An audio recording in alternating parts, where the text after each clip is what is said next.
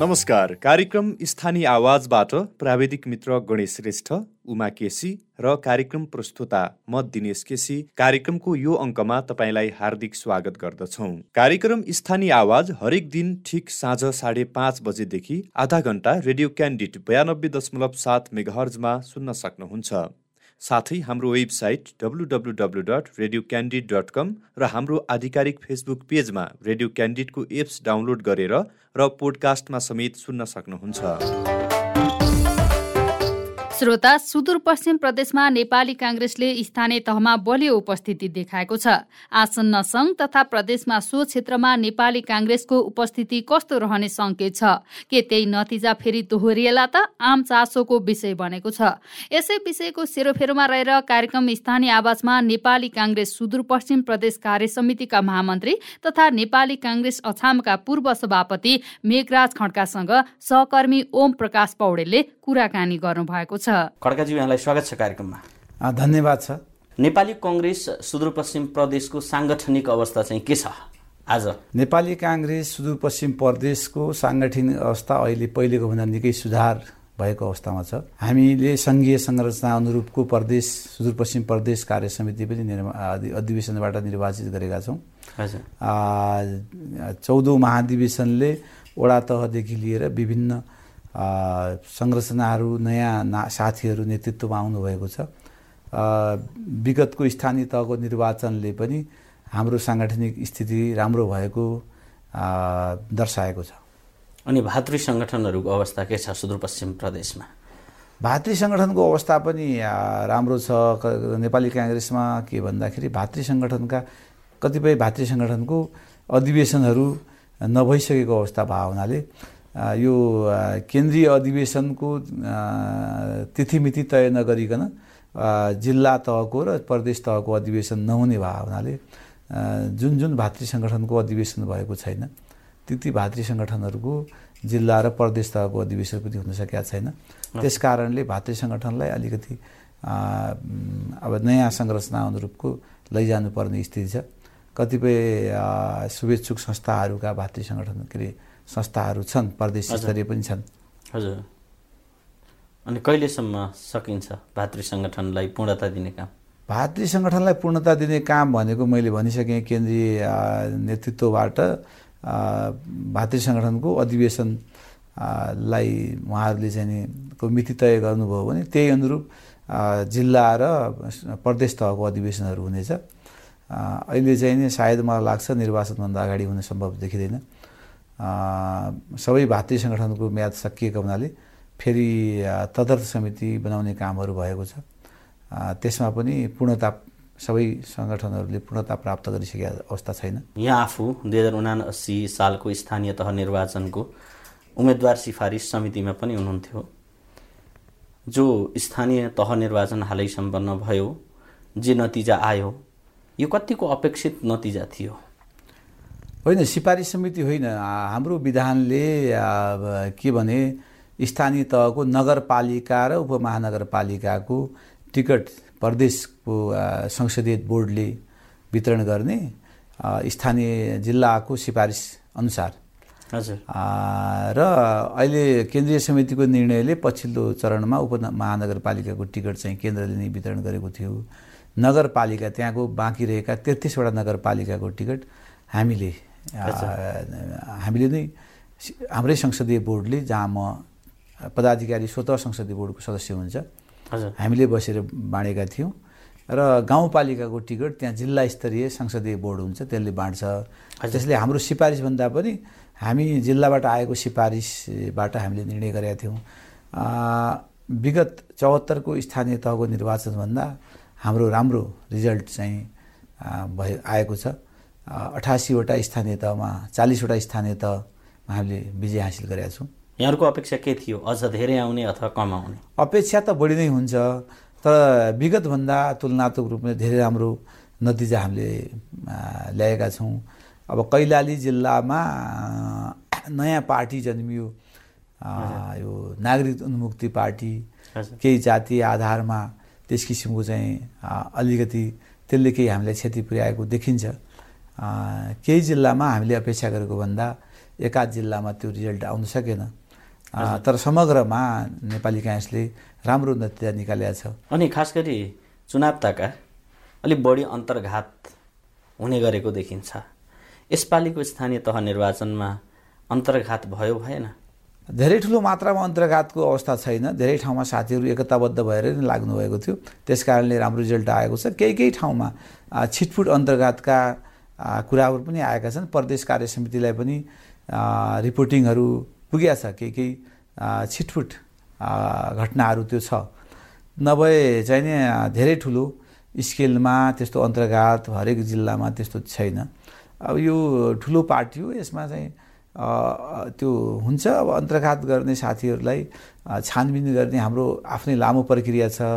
आएको रिपोर्टमाथि छानबिन गर्ने सम्बन्धित व्यक्तिलाई स्पष्टीकरण माग्ने त्यसपछि त्यो प्रमाणित भयो भने मात्रै कारवाहीको कुरा अगाडि बढ्नेछ।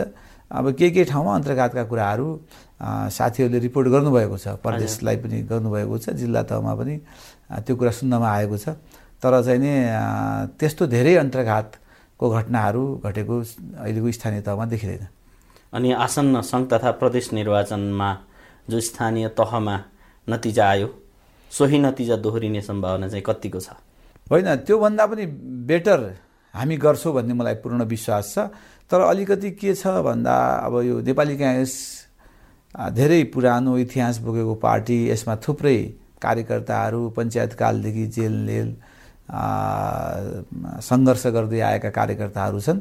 र अहिले नेपाली काङ्ग्रेसको नेतृत्वमा गठबन्धनको सरकार छ र यो गठबन्धनलाई निरन्तरता दिनका लागि सिटको बाँडफाँडको कुरा पनि आएको छ। त्यसले अलिकति के भन्दा साथीहरूको व्यवस्थापन व्यवस्थापन कतिको गर्न सकिन्छ भन्ने अलि चुनौती पनि हाम्रो अगाडि छ। किन कैयौँ साथीहरू आकाङ्क्षी छन्। हजुर। त्यो भावनाले त्यो चुनौती छ। त्यो चुनौतीलाई पनि व्यवस्थापन गरेर मलाई लाग्छ काङ्ग्रेसले राम्रै नतिजा निकाल्छ। यहाँ आफू दुई हजार सत्तरी सालको सङ्घीय निर्वाचनमा भीम रावलसँग र दुई हजार चौहत्तरको प्रदेश निर्वाचनमा झिनो मतले पराजित हुनुभएको थियो। अब पुनः तेस्रो पटक यहाँको नाम सिफारिस भएको छ। यहाँले त्यतिखेरका दुईवटा निर्वाचनमा आफू पराजित हुनुको कारण के के थिए के के पाउनु हो? सत्तरीको संविधान सभाको निर्वाचनमा म चाहिँ नेपाली काङ्ग्रेसको तर्फबाट उम्मेदवार थिएँ। नेकपा एमालेको तर्फबाट भीम रावलजी हुनुहुन्थ्यो। उहाँ गृहमन्त्री पूर्व गृहमन्त्री अब चाहिँ नि शेरबहादुर देउवा पनि गृहमन्त्री भए भएपछि प्रधानमन्त्री हुनुभयो। अब भावी प्रधानमन्त्री हो हाम्रो नेता हो राष्ट्रिय स्तरको भन्यो।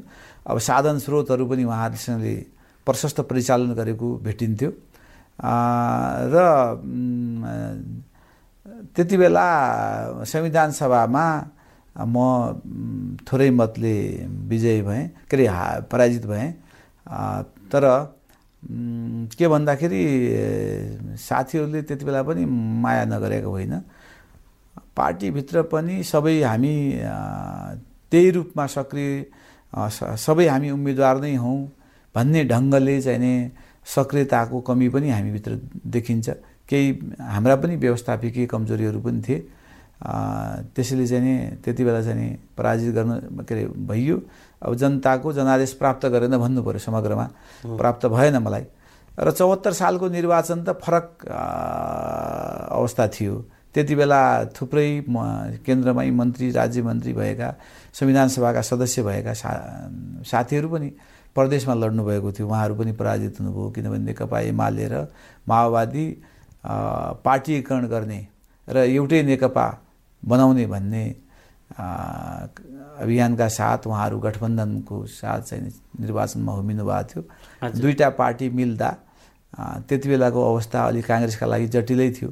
काङ्ग्रेसको पक्षमा तपाईँहरूलाई थाहा छ प्रत्यक्षतर्फ धेरै हामी चाहिँ सातैवटा प्रदेशमा नेपाली काङ्ग्रेस पार्टीले सरकार बनाउन सक्ने उपस्थिति हामीले जनाउन सकेनौँ। हाम्रो चाहिँ सुदूरपश्चिममा जम्मा चारवटा निर्वाचन क्षेत्र मात्र हामीले विजय हासिल गऱ्यौँ बत्तिसवटा मध्ये।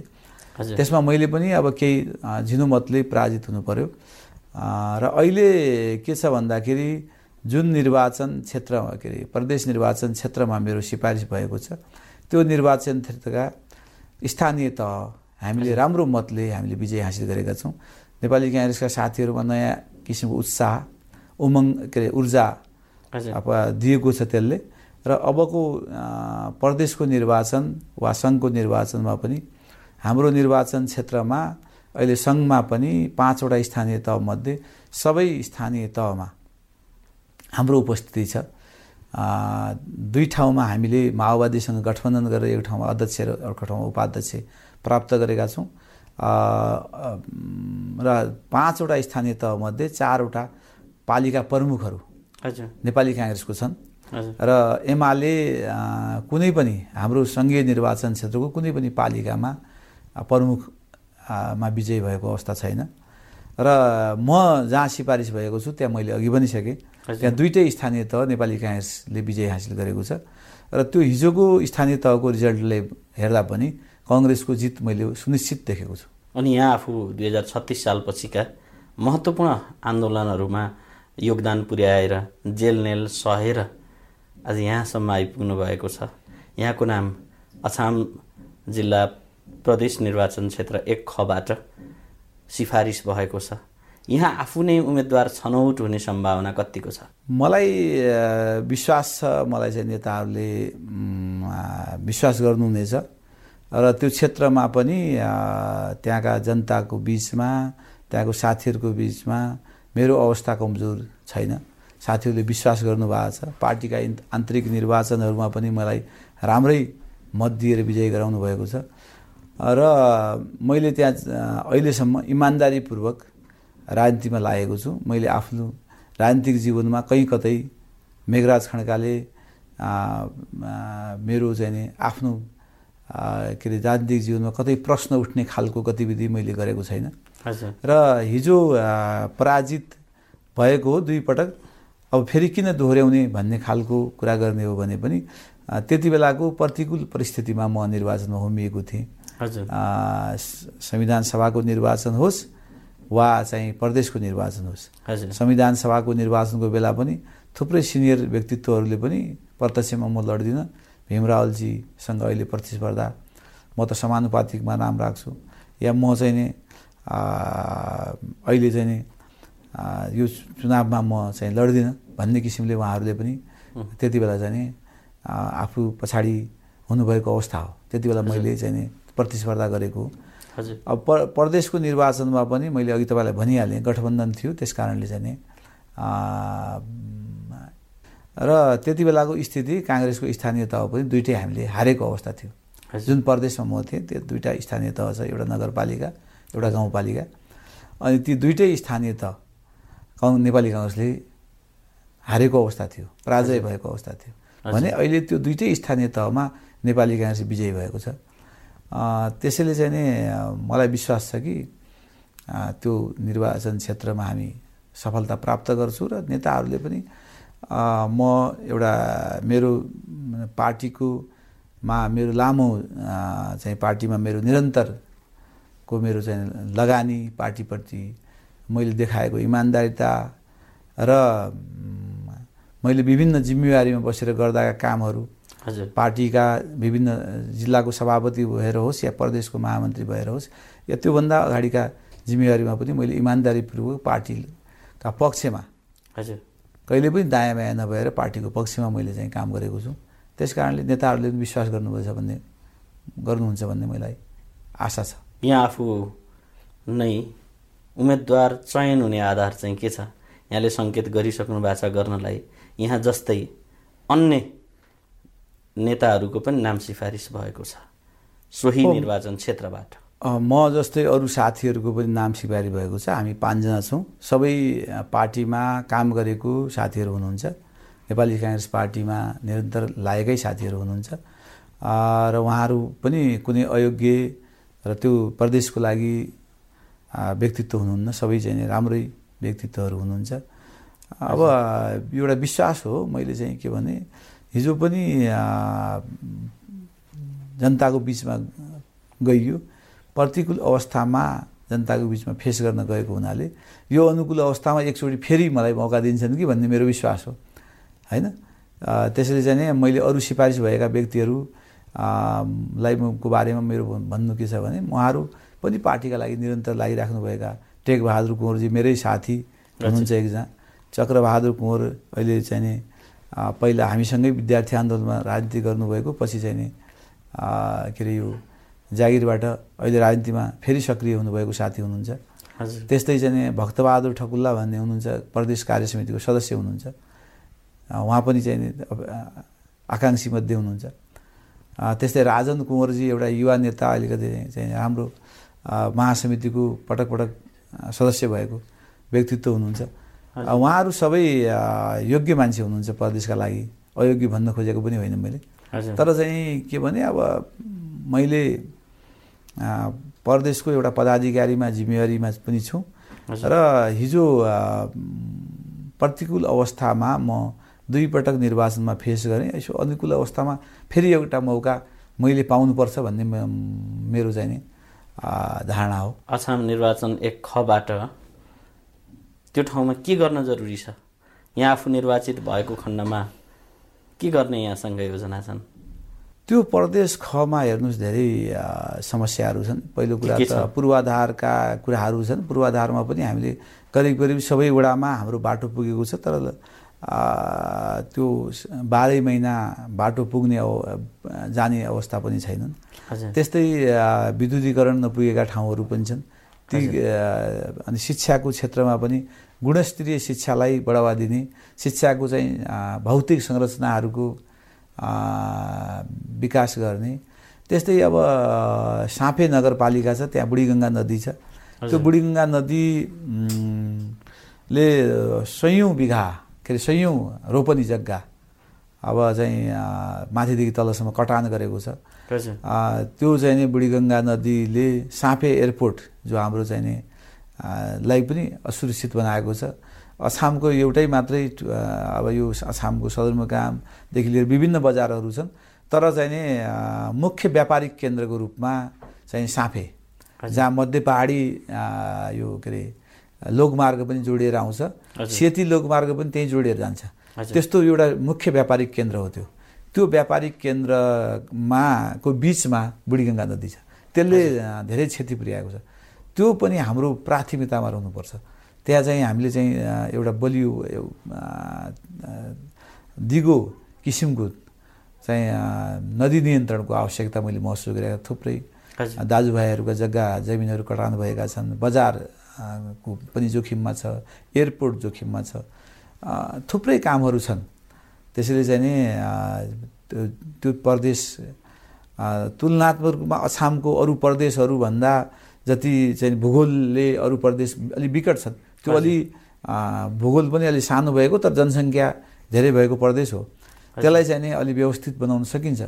एउटा भिजनका साथ हामीले लाग्यौँ भने मलाई अर्को के छ भने प्रदेश सभामा गएर यो सङ्घीयता यदि जोगाउने हो भने हजुर। सङ्घीयता अहिलेको जुन प्रदेशमा भएको गतिविधि छ यसलाई चाहिँ रोक्नुपर्छ। हामीले प्रदेश सरकारले जुन रूपमा जुन अपेक्षा जनताको अपेक्षा अनुसारको काम गर्नुपर्ने थियो त्यो भएको छैन। अस्ति मात्रै म कञ्चनपुरमा घुम्न गएको थिएँ। एउटा एउटा मन्त्रीले त्यहाँ अर्थमन्त्रीको निर्वाचन क्षेत्र पर्दो रहेछ। एउटा मन्त्रीले एउटा वडा उहाँको निर्वाचन क्षेत्रभित्रको एउटा वडामा एकहत्तरवटा बोडी बोरिङ। एउटै करिब करिब त्यहाँ साथीहरू सुनाउनु भयो दुई अरब जति बजेट उहाँले अब चुनाव लड्नको लागि आफ्नो चाहिँ निर्वाचन क्षेत्रमा खर्च गरेको देखियो। अनि सा धनगढीमा म अहिले चाहिँ बसिराखेको छु एक यो प्रदेशको जिम्मेवारी पाएपछि पटक पटक जान्छु बस्छु। धेरै साथीहरू सुनाउनुहुन्छ यो ब योजना त जम्मै यो कमिसनका भरमा जान्छन् भन्नुहुन्छ हो। कति हो मलाई थाहा छैन। व्यापक हल्ला चाहिँ बजारमा छ। केही न केही नभएपछि त हल्ला त आउन्न। हुन त हामी कङ्ग्रेसमा पनि धेरै पछि हामी चाहिँ सरकारमा अहिले लास्ट लास्ट आवरमा हामी सरकारमा सामेल भएको छौँ। हाम्रो दुईवटा मन्त्री एउटा राज्य मन्त्री हुनुहुन्छ तर पहिलादेखि नै यो चर्चा चल्ने गरेको छ र प्रदेशले जुन खालको पर्फर्मेन्स जो हामीले जुन किसिमको संविधान निर्माण गऱ्यौँ सङ्घीय संरचनाको जसले सिंहदरबारको अधिकारलाई प्रदेश तहमा स्थानीय तहमा पुर्याएर घर घरमा पुर्याउने भन्ने खालको जो बनायौँ। घर घरमा अधिकारको सँगसँगै त्यहाँका जनताको जीवनस्तर उठाउने खालको दिगो योजना आर्थिक रूपमा पनि पारदर्शी हुनु पऱ्यो र समग्र प्रदेशको विकास कसरी अगाडि बढाउने? समग्र प्रदेशलाई कसरी चाहिँ माथि उठाउने? सुदूरपश्चिम धेरै सम्भावना भएको प्रदेश पनि हो। हजुर। सुदूरपश्चिम अहिले हामी अहिले भर्खरै तपाईँले चाहिँ नि कुलमान घिसिङले चाहिँ नि विद्युत बङ्गलादेशसम्म कम्तीमा यो वर्ष भयो पचासै मेगावाट भयो भने हामी बेच्छौँ भनेर भनिराख्नु भएको छ।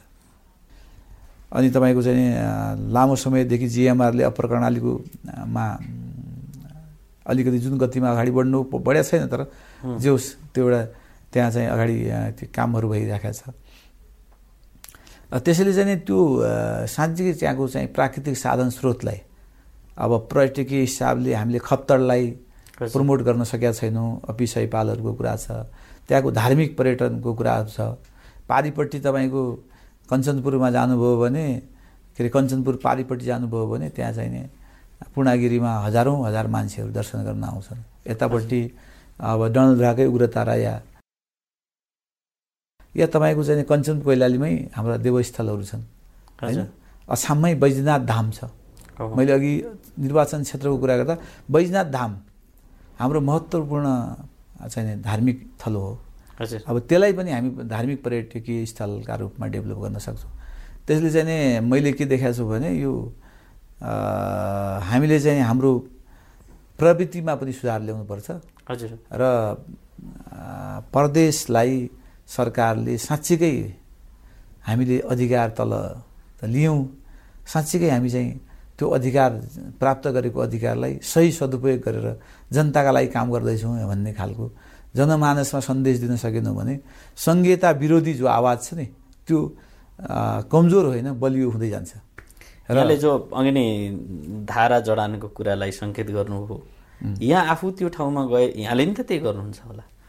होइन म चाहिँ तपाईँलाई एउटा कुरा भन्छु अब एज अ सांसद मैले काम गर्नु पर्दा मेरो निर्वाचन क्षेत्रका लागि मैले बोल्नुपर्ने होला बोलौँला। र मैले कुनै त्यो जिम्मेवारीमा बाई द वे मलाई त्यो जिम्मेवारी त्यस्तो जिम्मेवारीमा पुग्यो भने मैले त्यो जिम्मेवारी पाएँ भने मैले निर्वाचन क्षेत्रलाई मात्रै होइन अलिअलि तपाईँको आफ्नो निर्वाचन क्षेत्रमा केही आफ्नो दायित्व हुन्छ त्यो क्षे- क्षेत्रबाट जितेको जितेर आएको त्यहाँको मतदाताप्रति बढ्ता दायित्व हुन्छ हो तर तपाईँको त्यो सबै बजेटै लिएर आफ्नो निर्वाचन क्षेत्रमा खन्याउने कुरा त भएन नि त। त्यो त उपयुक्त भएन नि। त्यो फेरि कार्यान्वयन हुन्छ कि हुँदैन? अहिले अस्ति असाढको महिना तपाईँले जुन बाँड्नु भएको छ अब मङ्सिरमा अर्को सरकार आउँछ। खै यही मान्छेहरू जितेर गयो भने पनि मन्त्री फेरबदल त होला। मुख्यमन्त्री अर्को आउन सक्ला। अनुहार त फेरबदल होला नि। त्यसले तपाईँलाई नेपालमा थाहा छ तपाईँलाई अनुहार फेरबदल हुन साथ चाहिँ नि नीतिमै फेरबदल हुने हाम्रो परि परिपाटी छ। हजुर। त्यसो भए हुनाले चाहिँ के भन्दाखेरि मैले भन्न खोजेको के भने त्यो राम्रो भएन। त्यसले राम्रो सन्देश जाँदैन। हाम्रो पनि छामको एकजना एकजना अर्थमन्त्री हुनुभएको थियो। उहाँले एकपटकको बजेटमा उहाँ जानुभयो छाममा। हजुर। अहिले एमालेमा गइसक्नुभयो ती व्यक्ति। अनि उहाँले जाँदा उहाँकै पर निर्वाचन क्षेत्रमा कालो झन्डा देखाउने काम भयो। उहाँले एघार करोड आफ्नो वडामा सात करोड आफ्नो स्वकीय सचिवको वडामा राख्नु भएको रहेछ। अरू ठाउँ बजेटै छैन। त्यो प्रदेशभरि छैन। एउटा वडामा आफ्नो वडामा र आफ्नो स्वकीय सचिवको वडामा मात्र दुइटा योजना ठुल्ठुलो योजना परेको रहेछ। त्यो अरू साथीहरू त्यो त्यो खालको जो हाम्रो चाहिँ नि काम गर्ने। कमसेकम योजनाबद्ध ढङ्गले पाँच वर्ष तपाईँ जानुभयो भने पाँच वर्षका लागि पहिलो वर्ष यो गर्ने दोस्रो वर्ष यो गर्ने तेस्रो वर्ष पाँच वर्ष हामी के गर्ने? त्यो खालको एउटा चाहिँ दृष्टिकोण एउटा भिजन हुनुपर्छ। हामी कुराकानीको अन्त्यमा छौँ महामन्त्रीज्यू। अन्त्यमा मैले यहाँलाई कुराकानीको क्रममा सोध्न छुटाएको र यहाँ आफूलाई भन्नै मन लागेको केही त्यस्तो विषय प्रसङ्ग सन्दर्भ कुराकानी थियो कि? विशेष गरी मेरो चाहिँ उम्मेदवारीका बारेमा कुरा गर्दा आ, मैले चाहिँ एकपटक जनताका बिचमा अब यो